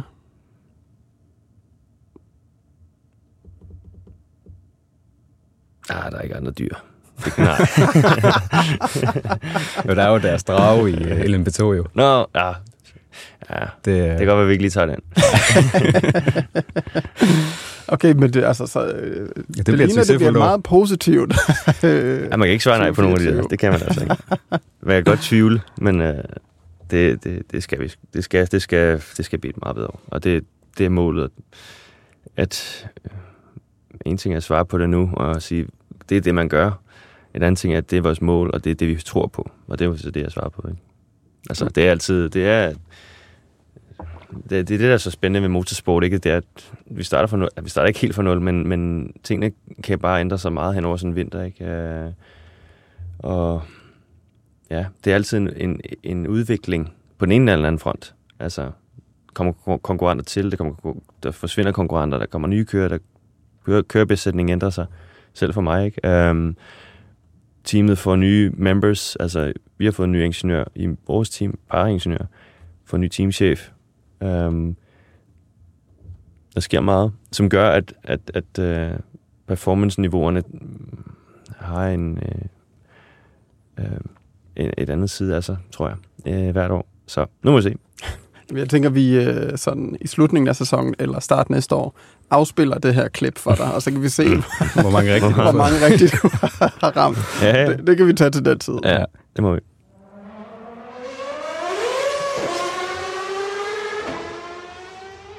Vi hopper videre til øh, sådan den sidste del af det, vi lige havde tænkt på. Og øh, nu ved vi godt, det er på lyd, så vi har valgt at tage nogle billeder med i studiet. Øhm, så jeg hiver et øh, billede frem, som du meget gerne må beskrive, hvad der ja. er der på. Ja. Og så lige forklare, hvad, hvad er det, vi ser, hvad, hvad, hvad skete der den dag og sådan noget. Okay. Åh oh, ja, jeg kan allerede se det her. Vi har gravet dybt uh, i dit uh, Instagram-arkiv. Hvad ser vi på billedet? Det ligner, jeg spanker Markus Sørensen og Johan Jokinen. Nej, ja, jeg er foran øh, Markus Sørensen, som kører Aston Martin, og kørt mod ham mange år, så jeg siden den her gang. Der var jeg 11, vil jeg tro. Hvad står der her? Nej. Jo, ungdoms... Ja, der har været 11. Øh, 22... 20, jeg vil til at sige 20. 2002. øh, og så en Johan Jokinen, som også var tidligere racerkører. Han er læge nu. Øh, og en Kevin Munkholm bagerst. Den er nok ikke så glad for, at sige. Men øh, Er han i familie med Gert? han er Gerts søn, som er tidligere nok den mest succesfulde go-kart, vi nogensinde har haft i Danmark. Øh, imponerende. Øh, ja, og Kevin var også god. Københavns go-kart-bane. Øh, ja. Der, der, var, der, var, der var, det er nok det mest succesfulde år, jeg nogensinde har haft. For at det ikke skulle, at det lyder så mærkeligt. Ja, det er 2002. Øh, jeg kan huske, vi lavede sådan en, min familie lavede sådan en, en ja, måske bare fordi de var stolte, jeg ved det ikke. Men øh, sådan en liste over løb. Det var 25 løb. 26 løb. Øh, podiums og wins. 23 wins, 25 podiums, og så 26 løb. Øh, Hvad skete der i det sidste? Udgik. så det var, det var et godt år. Okay, øh, hvad var drømmen dengang? At vinde det næste løb. Og sådan overall, altså... Der var ikke sådan, nogen drøm. Der var ikke nogen drøm. Jeg, jeg, der, jeg tænkte slet ikke så langt overhovedet. Altså, nej. og det er også det, der har været så, så, så pudsigt, ikke? Øh, Fordi jeg var været meget, meget tæt på Kevin Magnussen hele min karriere, ikke? Øh, Siden, ja, måske det år. 20, du, ja, fordi han er to år yngre end jeg er. Han startede med at køre, øh, ja, det år, tror jeg faktisk. 2002. Um, øhm, og så lærer vi hinanden at kende. Uh, og han har altid været, øh, når jeg kommer i Formel 1, ikke hvis, når. Uh, han sagde det bare på den der måde altid. Og det var så, det var så mærkeligt. For mig var sådan, at jeg har ikke nogen drøm. Altså, jeg skal bare vinde det næste løb, ikke? Go-kart løb. Og det sjove var, at han har altid, ja måske, jeg var sådan lidt foran ham, ham i, i go-kart øh, delen, med, i og med, at jeg også var ældre end ham. Men jeg vandt bare meget, og, og vi havde noget at snakke om, og han, jeg tror, han ofte var sådan, hvorfor, hvorfor drømmer du ikke? Altså, det, var, det blev du ikke sat så meget ord på, men jeg var altid den anden, anden vej rundt, som, hvordan kan du tænke så langt frem? Uh, jeg tænkte bare på det næste løb, ikke? Og som måske også gjorde, at jeg var, var god til det, jeg gjorde. Uh, men, men også fordi, at det ikke var i tale sat i mit hjem, at det her med andre ting. Nu, kører, nu fokuserer vi bare på det, vi gør. Og det var at køre go-kart og gå i skole og de der ting, man nu gør. Øhm, så, så det har aldrig været en ting, jeg har tænkt over, sådan rigtig andet end dengang, der kommer en, en nordmand eller en franskmand ned på en racerbane i Frankrig, øh, go-kartbane, og, og, og introducerer sig for, for, for at være manager og investorer, for at tage mig videre fra go-kart til en Formel 1-bane, ikke? Øh, og, og i Formel 1. Så var det sådan lidt, nå, det kunne da være meget sjovt, i stedet for at være mekaniker, ikke? Øhm, fordi at det var ikke muligt. Altså, det var, vi havde ikke øh, de øh, midler, der skal til for at overhovedet komme videre fra go-kart. Det var, ja, året efter, jeg tror, ja, et år efter det her cirka, der får jeg jo alt grej, mere eller mindre betalt. Øhm, og, og, og derfor kunne køre den her internationale go-kart-karriere. For ellers har det måske ikke været muligt, fordi det er så dyrt, det her. Øhm, øh, og det er jo bare... Jeg tror bare, jeg levede i det, der var nu og her. Øh, og så derfor tænkte jeg ikke rigtig så meget over... Hvad, hvad, hvad, det, er også, det, var, det er så svært at svare på den der... Hvad var drømmen? Jamen, Mm. egentlig næste løb. Det, altså, det er jo et helt færre svar, hvis det er det, der er, er svaret. Det, det er der vel i princippet nogen, der stadigvæk tænker sådan, eller hvad, selvom Det de er tror jeg. professionelle. Jo, ja, nu er det specielt sådan, men, men ja, man, man kan altid sådan, jeg vil sige, da, da, og det, var- det var, der var så lidt pudsigt lige pludselig, det var, at så har man nogle investorer i ryggen, og nu er der en, et mål. Du er blevet fortalt et mål. Egentlig, du har skrevet under på, at det er det her, du, det, det er jo lige pludselig målet, ikke? Og der er man 17 år gammel. Og målet er jo Formel 1. Så hurtigt som muligt, fordi det er alt for dyrt at bruge tid på at komme derhen, ikke? Um, og det var også derfor, nu snakker vi om 2010 tidligere lige pludselig var der andre involveret end mig selv og næste løb. Det handler om, vi skal vinde. Vi skal gøre det godt. Eller ja, lige pludselig er det vi, eller mig, men det er vi, fordi de er med på rejsen, for de betaler. Det er dem, der Øh, siger vi. Ja. Og, øh, og det er ikke sådan noget, det er ikke, når man, det er ikke, bliver ikke talesat på den måde, men det er jo, jeg er jo ikke idiot, jeg ved jo godt, hvordan det fungerer, så lige pludselig, man har skrevet under på det jo. Øhm, og, og lige pludselig er der bare nogle andre steder, der, der kommer pres fra, og selvom jeg har haft, jeg føler, jeg, jeg har øh, kunne håndtere de her pressituationer godt øh, i mine tidlige år, øh, men det var et andet form. Jeg tror det her med, når man begynder at mærke, det går ikke, som det skal, men man vil gerne leve op til det, specielt for en selv, men også for andre, lige pludselig. Nu, altså, de ringer jo til dig, lige så snart løbet er færdigt, ikke? Uh, sådan var det ikke så meget før. Der var det mig og min far og min mor og min... Og så, nå, så var det det. Tilbage i skole. Næste løb, ikke? Uh, nu, nu, nu, er det, nu er det jo professionelt. Nu er det jo... Nu, er det, nu, det er din identitet. Det, du er ikke mekaniker længere. Uh, så det, var, det, det ændrer jo selvfølgelig dynamikken meget. Uh, det skulle man lige lære. Og det var svært. Kom der, kom der sådan andre boller på suppen sådan meget hurtigt, eller... Mm, ja, det bliver bare det er en anden tilgang til ting. Altså, det er jo en øh, mere professionel tilgang Ja. til ting. Nu, kan man lige, nu er der nogen, der prøver at manage din karriere Mm. for dig, for det bedste mulige. Selvfølgelig også for dem selv, fordi så får de penge tilbage, ikke? Øh, hvis det går godt. Um, så man skal, det, det er en helt anden dynamik. Øh, og ja, der bliver der, en, altså, der bliver snakket om, når man skal du bo i Japan og køre derover, så lige pludselig. Nå, det har jeg sgu egentlig ikke lyst til. Men øh, det kan godt være, du skal det, ikke? Eller hvad det måtte være. Øh, så det er, en, det er en anden side af sagen. Igen, det er noget helt andet end det her koncept med at tænke, nå, nu er det bare næste løb, ikke? Øh, fordi at, ja, øh, der er nogle andre mål med det hele. du snakker om ham her, nordmanden. Er det Mhm. Harald Høismann? Det er Øh, ja. Altså, hvordan kommer han ind i billedet? Han møder bare op dernede og siger, øh, jeg har et, øh, et godt tilbud der, til dig. Øh, det, det sjove er, at jeg kunne faktisk huske, at normalt så, så er jeg lidt ligeglad med, hvem der kommer forbi og sådan noget. Men jeg gjorde faktisk min go-kart ren øh, til et, øh, til et, øh, til et øh, VM i Frankrig, tror jeg. Og jeg tror, jeg gjorde det. Jeg ved, nej, det var et VM. Fordi at øh, jeg gjorde det godt. Jeg var 16 år gammel. Øh, det første år, jeg kunne deltage i den her klasse. Den topklassen af alle klasser, du kan køre i go-kart.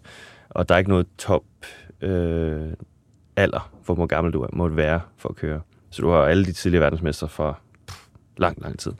Jeg ender med at blive to til det her VM, øh, som, ja, øh, du skal være 15, jeg var 16, blev to. Etteren var 33, treeren var 4, 3, 32, og jeg var 16. Øh, og ham, Harald, min tidligere manager øh, og investor, var, var med dernede. Ikke fordi jeg kender ham, han var dernede for at kigge på hinanden. Og så Øh, lever jeg et godt resultat og har lavet et godt resultat, resultater hele året og gør det igen der. Og så kommer han så hen og snakker lidt, og jeg tænker, det er mig en nordmand, der er fan, eller, eller jeg ved ikke. øhm, øh, og så tænker jeg mere over det. Og så går der noget tid, så ringer Dansk Automobilsports Unions øh, sportschef til mine forældre og siger, at ja, der er altså nogen, der gerne vil snakke, og, la, la. og så er det sådan, det fungerer. Og så snakker vi, og så er der nogle forskellige tilbud øh, her og der, faktisk lige pludselig. Um, og det ender så bare med, med, med, med, med Harald og Jan Ove Nystuen dengang. Uh, jeg skrev under på. Um, for, for ja, på at komme i Formel 1 egentlig var målet, ikke? Uh, og ja, det er sådan, det starter sådan noget. Vi øh, hopper videre til øh, næste billede fra arkivet, som jeg hiver frem her. Beskriv, hvad der er på billedet. Uh, Du ser glad ud i hvert fald. Nogle gode kommentarer her. Nej, uh, nej øh, ja, er det sindssygt. Det var, øh, det var nok, selvom det er sådan en, altid været en drøm, siden at jeg faktisk begyndte med motorsport, så kan man sige, drømmen. Så der er en drøm, ja. Nej, men drømmen var nok det der med, at hvis, jeg, hvis ja, en drøm, der ikke var, en, en jeg ikke manifesteret, kan man sige. Men en var en ting, hold kæft, det er sindssygt, det der. Hvis det, og det blev jo så mere og mere virkeligt, når man kom til Porsche, og siger, Nå, okay, det kan sgu være sindssygt, hvis man vandt det mange dage. Og specielt fordi, at det aller, aller, aller første racerløb, jeg nogensinde deltog til som fan, øhm, før jeg overhovedet kørte go-kart, før noget som helst, var Le Mans øh, 98. Året efter Tom vandt første Le Mans i en Porsche, by the way. Øh, var jeg dernede og så det, og tænkte, det var sgu da vildt nok det her, ikke? Og alle de her ting. Og så har man jo ligesom haft den der, og jeg har egentlig ikke rigtig set nogen andre racerløb før eller siden. Jeg har været Formel 1, på Formel 1 løb sammen med Kevin, men, men egentlig ikke. Jeg deltager ikke i sådan noget. Jeg går ikke så meget op i andres ting. øh, men øh, men øh, så det var en, en, en form for drøm, der blev måske plantet der, Mm. som var urealistisk egentlig, synes jeg nok. Øh, og så står man der lige pludselig. Øh, men også fordi, at øh, det, man føler, at det er lidt det uopnåelige. Øh, og det, det var det jo så lige pludselig ikke, fordi man kørte de biler, der kørte på Le Mans. Lige pludselig deltog man i Le Mans. Men først skulle man lige få lov til at være den kører, der blev sat ind i den rigtige bil på Le Mans. Øhm, og det skete jo så. Øh, og det er som om, at når man står der... Jeg fik lov til at køre bilen over stregen til sidst der. Um, og det var en mega lang omgang, og, og endnu længere en omgang, fordi at alle de her flagposter og alle de her Ja. ja. ting, de kommer på banen, når man skal lave burnout, så jeg ved ikke hvad foran dem, og sindssygt glad og alle de her ting. Men det er bare 13 km, du kører i 50 km i timen tilbage. Så når jeg kommer tilbage, så er hele teamet festet løst derinde, inden, og jeg sidder bare med mig selv og kører rundt ikke? På, på den her Le Mans-bane. Og, så det, det, det, er jo selvfølgelig fedt, det er en ting, de andre ikke prøver. Har, får lov til at prøve, måske Ja. får de aldrig lov til at prøve det, who knows. Um, men, men, men jeg var ikke med til den der øh, celebration, der skete, øh, når man så vandt. Ikke? Men, hvor ville du egentlig helst have været der? Yep.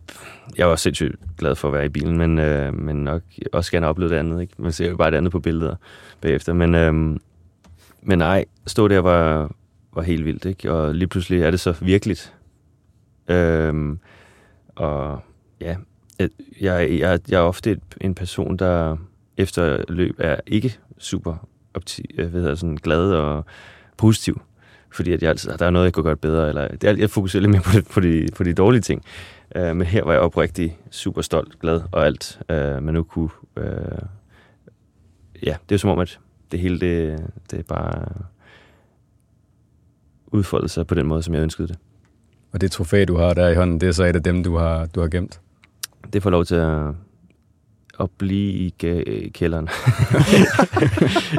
indtil videre, indtil jeg finder ud af et sted, det måske kan stå, og jeg kan alt for være alt for grimt i stuen, eller og det kommer ikke til at være i stuen. Jeg ved det ikke, men det er der, og det, det kan være, at jeg finder en dag det, et sted, det må få lov til at stå. Der, der er jo en person på billedet ved navn Kevin Estre. Ja. Hvad er, øh, hvordan er forholdet til ham? I var jo I blev gode venner som holdkammerater. Mm. Og øh, så skulle øh, blev den ene lige pludselig byttet over i en anden bil. Ja.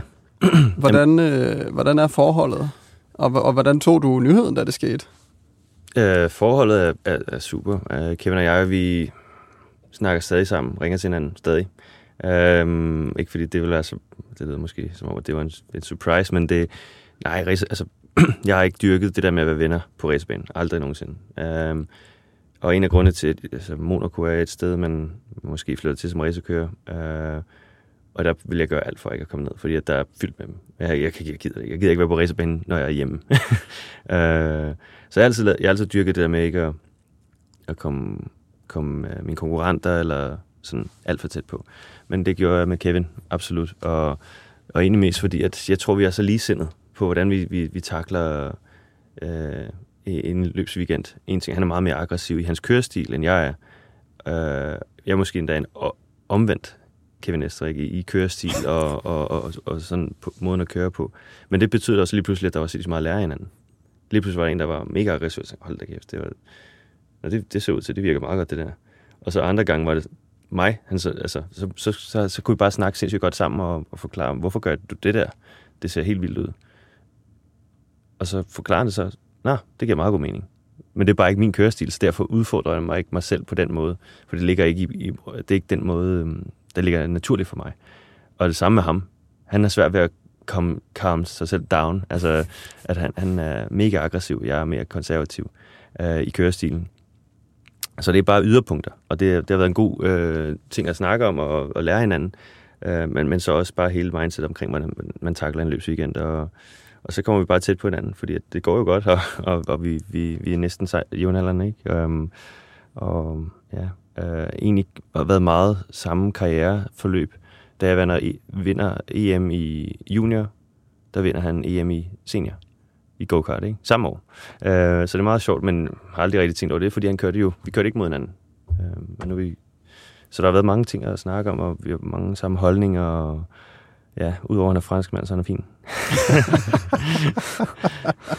er det noget med, at han ikke, du, du siger til ham, at han ikke helt er fransk, men alligevel det er bare noget, der står i hans Jamen, det siger jeg også til ham. Jeg siger, du er langt fra at være fransk mand. Du er alt for flink. så siger han, så siger han, de andre, det er dem, der ikke er fransk. Det er dem, der er galt med. Så siger han, det er sjovt nok, der er, der, der er på den her måde. Alle de andre er på den anden måde. er, han, er han en af de, de få, du også øh, bruger tid med væk fra racerbanerne?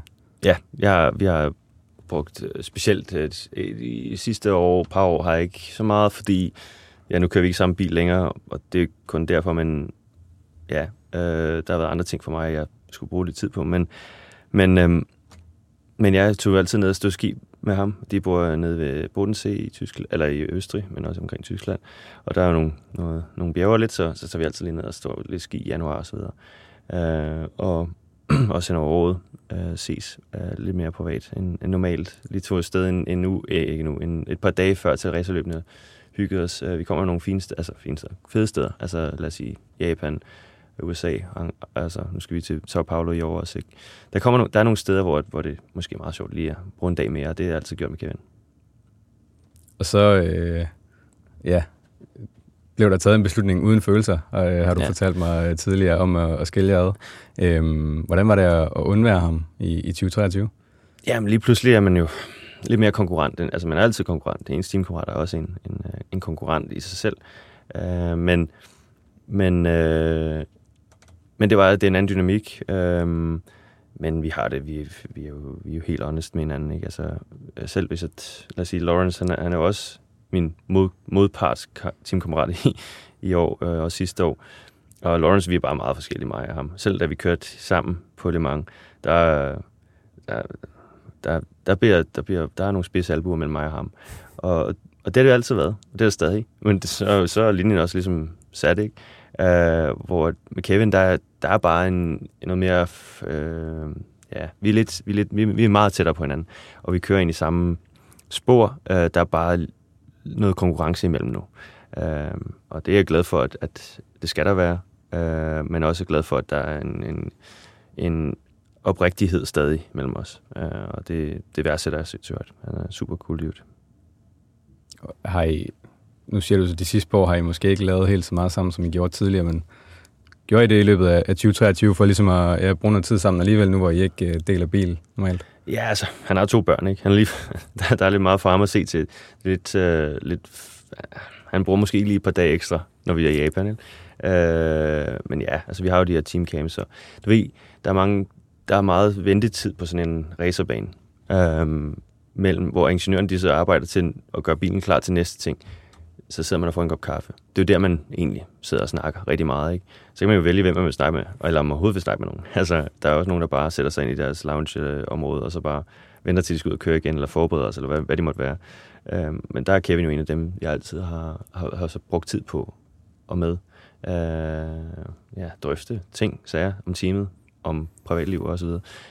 Øh, fordi at det er også det, at man, man drøfter jo ikke de der ting, man synes om teamet med hvem som helst. Fordi det er jo, det er jo ens arbejdsgiver, ikke? Og, og ja, man har jo sine holdninger, så man, også holdninger, som man måske ikke lige siger til sin chef, ikke? Men øh, det kan man, der, det er rart at have en, øh, man kan ligesom, ja, reflektere med, ikke? Det er han altid god til. Nu snakker vi om dyr øh, mm-hmm. tidligere, og det specielle ved, ved den her Le Mans sejr i, i, med, med Lawrence og, og Kevin, det var jo, at de kørte i en gris øh, The Pink Pig. Ja. Som er en, ja, det var vel en hyldest til, øh, var det 71 øh, Porsche, havde den på en, øh, en i 17'er. Er det ikke 70? Jeg. Jo, der omkring i hvert fald. Ja, 71 øhm, 70. Ja, med, ja. med de her udskæringer på, ja. simpelthen. Øhm, hvordan var det at, at, at køre i sådan en? Der var også lidt lyserødt på køredragten, kan jeg se. Ja, ja det var egentlig sjovt. Øh, måden, det kom til at ske på, det var sådan noget, det er hemmeligt altid. Og det, det her livery og hele garagen var jo lavet, som om det var i 70'erne det var sådan nogle bricks, brick wall. Det har de lavet hele udsmykningen. Det var som om det var brick walls, og det var værktøjskasserne, det lignede sådan nogle gamle trækasser og sådan. De, de, de gjorde meget ud af det. Og selv øh, udsmykningen til garagen var også sådan på den måde. Nå. Vi skulle så, vi sad så til vores, i vores årlige fitnesscamp, og så vores projektleder kommer så og siger, vi har lidt møde. Alle kørende, der skal på Le Mans. Okay, fint. Vi sætter os ind. Uh, vi vil gerne lige snakke om Le Mans selvfølgelig, men også, vi har noget, noget specielt. Og så viser de så, snakker de her ting igennem, som nu er vigtigt at snakke om. Og så, vi, så til sidst, vi har et specielt livery, vi gerne vil præsentere. Uh, men det, der er specielt ved det, I skal bestemme mellem jer, hvem der vil køre hvilken bil. Okay. Okay. Og så viser de så Rodmans, som er totalt legendarisk, 962 og 956 liveries, som er nok en af de flotteste racerbiler nogensinde. Fra 80'erne. Fra 80'erne. Super cool. Bare på en RSR. Og så var der The Pink Pig, lyserød. Møggrim. uh, og så sidder vi der og kigger, og alle var sådan, alle vil have den der Rodmans der, ikke? fordi den, den er fed. Ja. Og så sidder jeg, jeg og Lawrence faktisk, og Lawrence han er meget, han er også lidt kontroversiel i, hvor, altså han kan godt lide at være out there med holdninger og vise sig lidt frem og sådan. Uh, det er altid givet mig shit for, men uh, så sidder vi, jeg, så endelig så kigger jeg lidt på hans øjne, og så kigger han på mig, og siger, jeg kan godt se, vi skal sgu have noget. Vi skal have The Pink Pig. Og det var sådan, sådan mere for, nu skal vi prøve noget andet. Det andet, det er, det, det, det er altid fedt at have en fed bil selvfølgelig, men det, lige her, der valgte vi at, at gå med The Pink Pig. Og det var super fedt at, at, at ligesom tage, tage hvad kan, manifestere, det det, vi, skal sgu, vi, vi vil gerne købe den her. Og så går den hen og bliver endelig, for den var meget usucces, den var ikke særlig succesfuld, hedder det så. Øh, var faktisk slet ikke succesfuld på Le Mans. Den jeg her, tror, den udgik, ja. Den udgik efter ja. 11 timer og var ikke hurtig. Altså, dårlig bil. Men den blev bare kendt for sit livery, fordi den var så speciel. Øhm, og er en, en, en Porsche-legende øh, bil. Øhm, og så føler jeg lidt, at vi har givet en hyldst til det livery ved at vinde endelig med det livery. Ikke? Øhm, og, og ja, den, det er en meget, meget stor fan-favorit, tror jeg egentlig. Øh, og jeg ved, der blev lavet Porsche-trøjer i det her liveries og lige pludselig t-shirts. Og, og det var udsolgt i 3-4 måneder efter, nede på Porsche Museet. Det var, der, lige snart kom noget, forsvandt. Og det var fedt, at, at, at man ser stadig de her mennesker rende rundt i de her uh, t-shirts. Um, sådan, hvad er det nu? Ja, seks år siden. Uh, så det var fedt. Det er super fedt og en fed historie. Og ja, den, jeg har jo fået lavet et stort maleri af den og alt muligt mærkeligt. Jeg har liggende i kælderen. Det hænger heller ikke i stuen. ja. Hvad har du egentlig i stuen? Det er lidt mere uh, minimalistisk uh, art. ja. De her one-off uh, hyldesdeliveries, de er jo alle mm. steder efterhånden, også ja. i Formel 1. Ja. Um, hvad synes du egentlig om det? Skal man ikke heller uh, få noget nyt, der jo. bliver ikonisk? Jeg vil sige, det er også måske en af grundene til, at det var fedt det her. Det var, når man kigger på Porsches sådan normalt factory liveries, uh, så er de ret øh, special, altså meget simple, hvide ofte, øh, og sådan, og det, det kan godt være lidt kedeligt, synes jeg. Øh, så når der endelig kommer ind med noget, med noget knald på, så, så er det jo fedt, og det er måske også derfor, at den der Rexy, det, det er meget sjovt i sidste ende. Øh, så det kan jeg godt lide, fordi at det plejer at være lidt kedeligt. Men også fordi, jeg, vil, jeg, jeg giver dig ret i, at man skal selvfølgelig passe lidt på med de gamle, og ikke at ødelægge dem, udvandte og alle de her ting. Uh, når det er så sagt, så er det en anden bil, en anden tid. Det er en, den, den har sin, den har sin, øh, sin legende i den tid. Altså, måske kan, men man laver selvfølgelig ikke en ny legende, fordi man har taget en gammel livery på en ny bil. Det vil jeg så sige, det, det er måske mere en, en, en far for øh, at lave en bil, der er succesfuld, som så ikke kan tage vare om delivery, som så er, så er. Fordi det var mere legendarisk for det, der var før. Um, men i hvert fald i Porsche-regi, du ser de her Rodmans, Pink Pig, det var fordi, der var en butcher, altså en slagter, der havde været teamejer, så synes han, det skulle se sådan ud. Um, Martini, alle de her fede liveries, men når du Coca-Cola. Øhm, de kom jo, fordi der var en kæmpe teamsponsor, som betalte hele gildet. Sådan er det bare ikke længere. Nu er det Porsche, der betaler hele gildet. Så der kommer ikke de her liveries længere fordi det er ikke et andet brand, der skal komme på. Altså, og, øh, det, det kunne jeg jo kun ønske mig, at der kommer et eller andet fedt brand, som, som, øh, som bare Porsche kommer så ikke til at tillade det, men, men, men, det, men det, er jo, det er derfor, der ikke, altså, det ikke kommer til at ske så ofte længere. Um, så det er også derfor, når, jeg, hvis, når hvis vi fik et livery på, så var vi bare glade for det. Ikke? Så skal du over i, øh, på privatholdene i stedet for, at de får lov til det. Ja, men lige præcis. Det er jo det. Altså, jeg, jeg vandt jo det turne med, med ja, øh, Gatorade-familien. Det er dem, der havde Gatorade, eller var founder på Gatorade. Um, uh, der, var også lidt på der, men, men desværre ikke uh, helt full livery, fordi at, ja, det var, de har vist solgt lidt fra, tror jeg nok. så. Vi graver helt i bund i uh, arkivet, og det her billede har titlen uh, Hipster Johnny.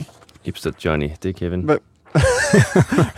Hvorfor er det det, og hvor er I, og hvad sker der? Det er det allerførste billede på Instagram, tror jeg faktisk. Ja. Det er dengang, man skulle finde ud af, hvad man skulle bruge det til. Ud af, ud, ud af næsten 1000 opslag, tror jeg, ja. du har lavet. Ja. Altså, og den eneste, der har svaret eller skrevet noget, det er Top. Ja, hvad har han skrevet? Mac in Black.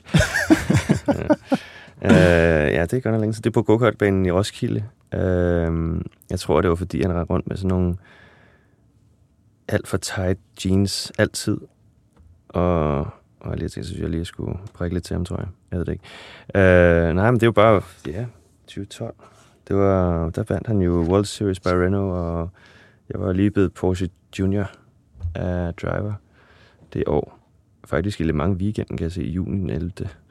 Øhm, ja, vi er gode venner. Så blev vi uvenner, nu er vi gode venner igen. ja, sådan er det jo. Ej, vi har jo kendt hinanden super længe. Det er jo 10 år i vores venskabsforhold her, ikke? Og ja, nu har vi jo kendt hinanden, ja, 22 år. Uh, ja, vi har meget at dele. Vi har mange historier at dele.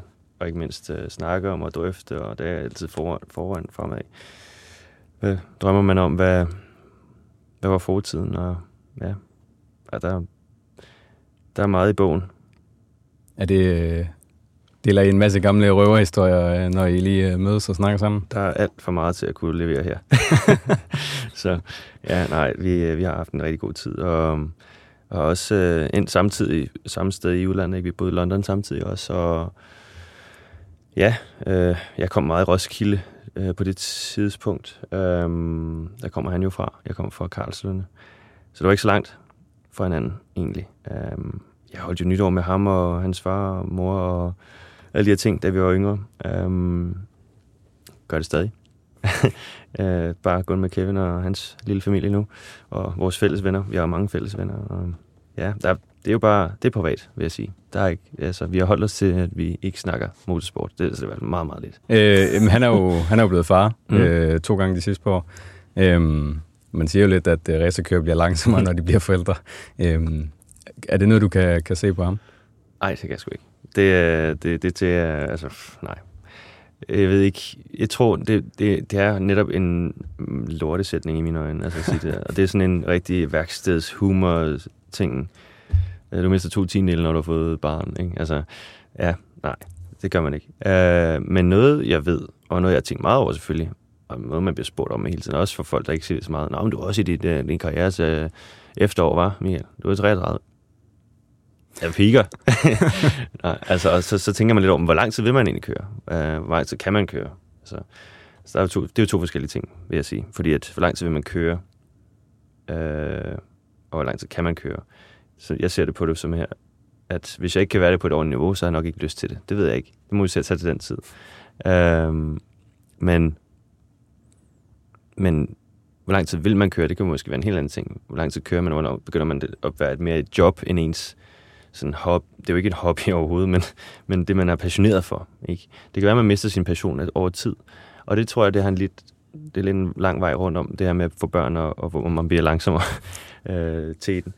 Øh, jeg tror, man kan blive langsommere, hvis du får børn, og din passion skifter retning til dine børn og familie.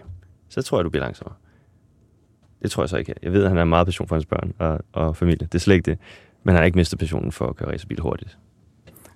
Nu siger du selv, øh, du piker lige nu. Altså, Kevins far Jan, han er jo lige blevet 50, er han ikke det? Jo. Så hvis, så hvis du er 17 år tilbage, så er du kun halvvejs i din karriere. Det, hvis man tager den der rute, ja. øh, men, men altså, jeg ved det ikke. Jeg, jeg har altid sagt til mig selv, hvis jeg kan være racerkører til 40, så er jeg glad. Øh, og det er nok også det igen med den tanke om, at vi skal have et højt niveau. Øh, jeg, jeg gør det for at vinde. Jeg gør det ikke for at se sig uden køredragt, hvis man gør det overhovedet. Øh, jeg, jeg elsker at vinde. Jeg, jeg elsker ikke så meget øh, det her med at, at køre bilen egentlig. Jeg synes, det kan være fedt at køre en god omgang. Det synes jeg er fedt. Men det, jeg elsker allermest ud over noget som helst, det er at vinde. Øh, så, så det... Øh, og hvis jeg ikke kan det i ordentlige forhold, så tror jeg, jeg mister det her drive, der nu er. Ikke? Øh, og øh, det kan jo selvfølgelig godt være, at man kan, man kan komme hen og elske det, andet, det andet lidt mere. Ikke? Øh, det er jo en rejse, det er jo en ting, man ændrer sig, og man får forskellige syn på, på virkeligheden. Ikke? Um, men, men jeg tror, det, det er vigtigt at blive ved med at have den passion for, hvad end det måtte være. Om det er at køre racerbilen så hurtigt som muligt, eller om det er at vinde, eller om det er noget andet. Ikke?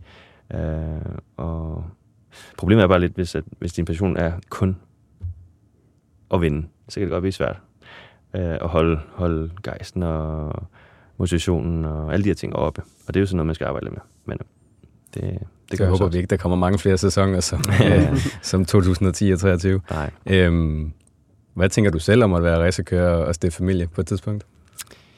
Jamen, det er jo virkeligheden egentlig ikke. Altså ikke virkeligheden, fordi jeg har gjort det, men, men virkeligheden for det er det, der skal til for, for, for, hvis jeg skal have en familie øh, på den måde. Øhm, det er en del af det. Det er super komplekst. Mere før, hvor jeg boede i udlandet og havde familie i Danmark og sådan noget. Det her med, lad os sige, Estre for eksempel. Han, han bor i Østrig. Han er fra Frankrig. Hans kone er tysk.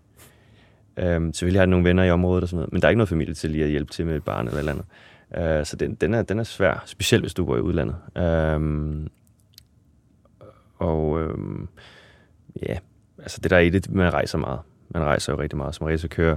Um, og, og det kan godt være, hvis et mod, øh, ikke modparten, medparten, men, men altså ens partner og så videre, ikke er helt klar på, på det her med, at man skal være alene ofte, tror jeg, med, med børn. Øh, den er, det er en kæmpe udfordring, tror jeg. Uh, der er selvfølgelig mange måder, man kan takle sådan noget her på, men, men det er klart, at det er en, en overvejelse, der, der skal tænkes igennem hvordan det her kan, kan, kan fungere på den bedst mulige måde. Når det så er sagt, jamen, er det et krav, at man så stopper med at køre race for, for børn? Det synes jeg er voldsomt.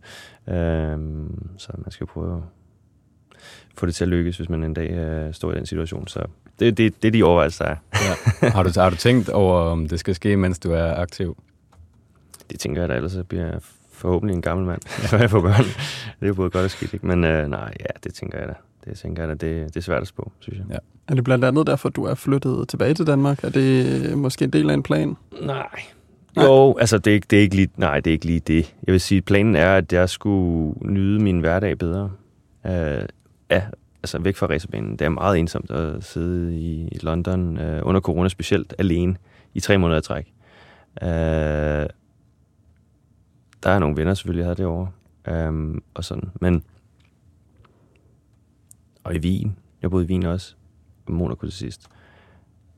Der er selvfølgelig venner og bekendte osv. Men dem kan du ikke rende rundt omkring hver dag. Uh, du kigger meget ind i en væg.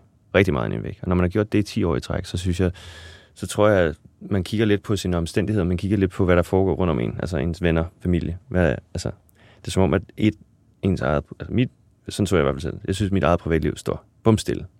Ikke fordi, at det er dårligt, all good, uh, kæreste, eller hvad, hvad det måtte være, man havde eller har, uh, fungerer jo og det er, den, det er det, vi har sagt ja til, det er det, vi gerne vil. At det, det er den her måde, vi gør det på. Uh, men der sker ikke en udvikling, som der sker en udvikling på andres forhold. Altså for børn, begynder på Vose Villa og alle de her Volvo, alle de her ting. Og det er ikke fordi, at, at jeg var misundelig på det, men man ser bare, hold kæft, det står stille det her. Ikke? Altså der sker ikke noget, og det er bare 10 år. Øh, karriere. Altså det er karriere. Øh, man kører fuld skrue, ikke? Og, og kun fokuserer på det. Og der tror jeg, at lige pludselig, de første fem år, lad os sige, da jeg boede, der var sådan et, ja, ja, bedøvende ligeglad. Jeg skal bare ud og køre race. Sætter mig tilbage i lejligheden og ser en fjern, ser noget film og træner lidt og alle de her ting. Så ud og køre race igen. Jeg kunne ikke være mere ligeglad med, med privatlivet, end, end, end jeg var. Og så, så begynder ting at ske, og så lader måske også øh, den her lockdown under corona har gjort noget, hvor man tænker, hold op, nu er der ikke noget race længere. Hvad så? øh, så sidder jeg og kigger, ikke? Um, og der er nogle dynamikker, jeg bliver ældre. Måske der er mindre sjovt at kigge ind i den væg længere. Uh, og, og der er nogle ting, som man måske har givet afkald på, uh, som har gjort lidt ondt lige pludselig. Hvor før i tiden var sådan, åh ja, ikke? Øh, uh, følelse eller hvad det måtte være. Det er jo mindre vigtigt i, i det store billede, men uh, så er der bare nogle ting, man, man ikke har kunne deltage i overhovedet, bare fordi man har valgt at bosætte sig i et andet land. Øhm, ja, det er, en, det, er, det er en større pakke, øh, som, som har gjort, at at øh, jeg er flyttet tilbage til Danmark. Ikke? Øh, det, er jo, det er jo nok de, de personlige relationer, på grund af, man er lidt træt af at være øh, så meget øh, på egen hånd. Altså, hvor der er måske lidt mere i livet end bare det.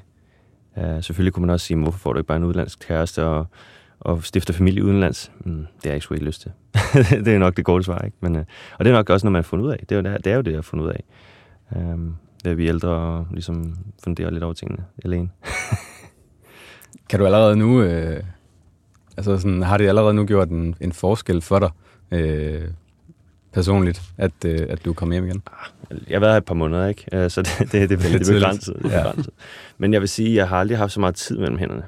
Jeg følte, at jeg var, jeg var, jeg var stresset før også, eller stresset, det er måske meget sagt. Men jeg havde travlt med at have travlt. Jeg havde travlt med ikke at have travlt, eller hvad man siger. Altså, fordi at man har relationer i mange, eller forskellige steder i, i verden, øh, og jeg kører mit race selvfølgelig, men så har jeg en kuffert her, og så har jeg en kuffert her, og så har jeg noget tøj her, og noget race her, og bum.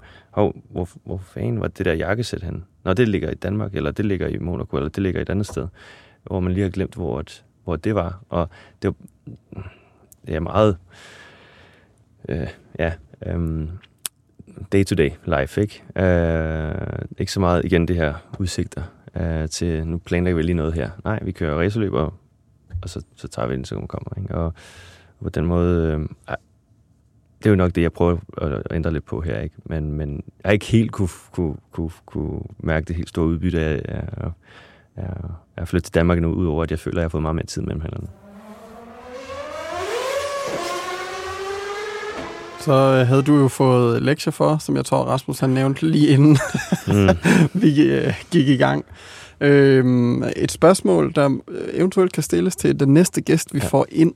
Ja. Hvad, øh, hvad vi, jeg har vi forestiller os, at det er en, jeg er en racerkører. forladt. øhm, jo, Nej, den er god, den her. Danmarks største racerkør-pimp. Hvem er, altså, ja, i mine øjne er det en Torkel Thuring, ikke? Øh, nej, ikke pimp. Hvad hedder sådan en? Øh, Det er ikke det, er ikke det jeg vil sige. Altså sådan, der har swag, og hvem er, hvem er, hvem er the godfather? Altså, det er jo så altid nemt at sige, det er Tom Christensen, ikke? Fordi han har vundet det hele. Men mere sådan... Øh, Hvis det er I- mere på personlighed. I, i og personaen. I personaen. Ja, ja. Okay. stil. Ja, den er god. Den er noteret. Ja, den kan jeg godt lide. Det er spændende, hvem der skal svare for det. Og jeg, ja, lige præcis. Og, jeg gad godt, og det, det var lige passe på, ikke?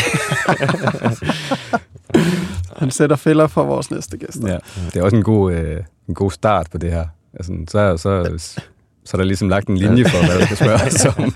Ja, fordi hvem- er, der skal, hvem er den største idol, eller, eller alle de her ting. Det, kunne, det er ikke så sjovt. Hvem er trendsetteren i dansk motorsport? Ja. Ikke? Og vi har jo desværre ikke sådan et spørgsmål til dig, fordi du er den første. Jamen, det er jeg glad for. Øhm, Jamen, øh, tusind tak, fordi du gad at være med.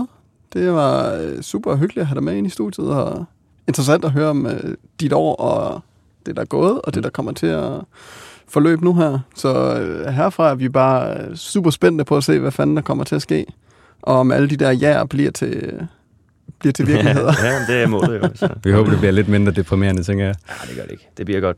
Det bliver skide godt. Det var en fornøjelse i hvert fald. Ja. Tak for herfra også. Tusind tak, fordi I lyttede med. Vi snakkede også med Michael Christensen om det forestående 24-timers løb på Daytona.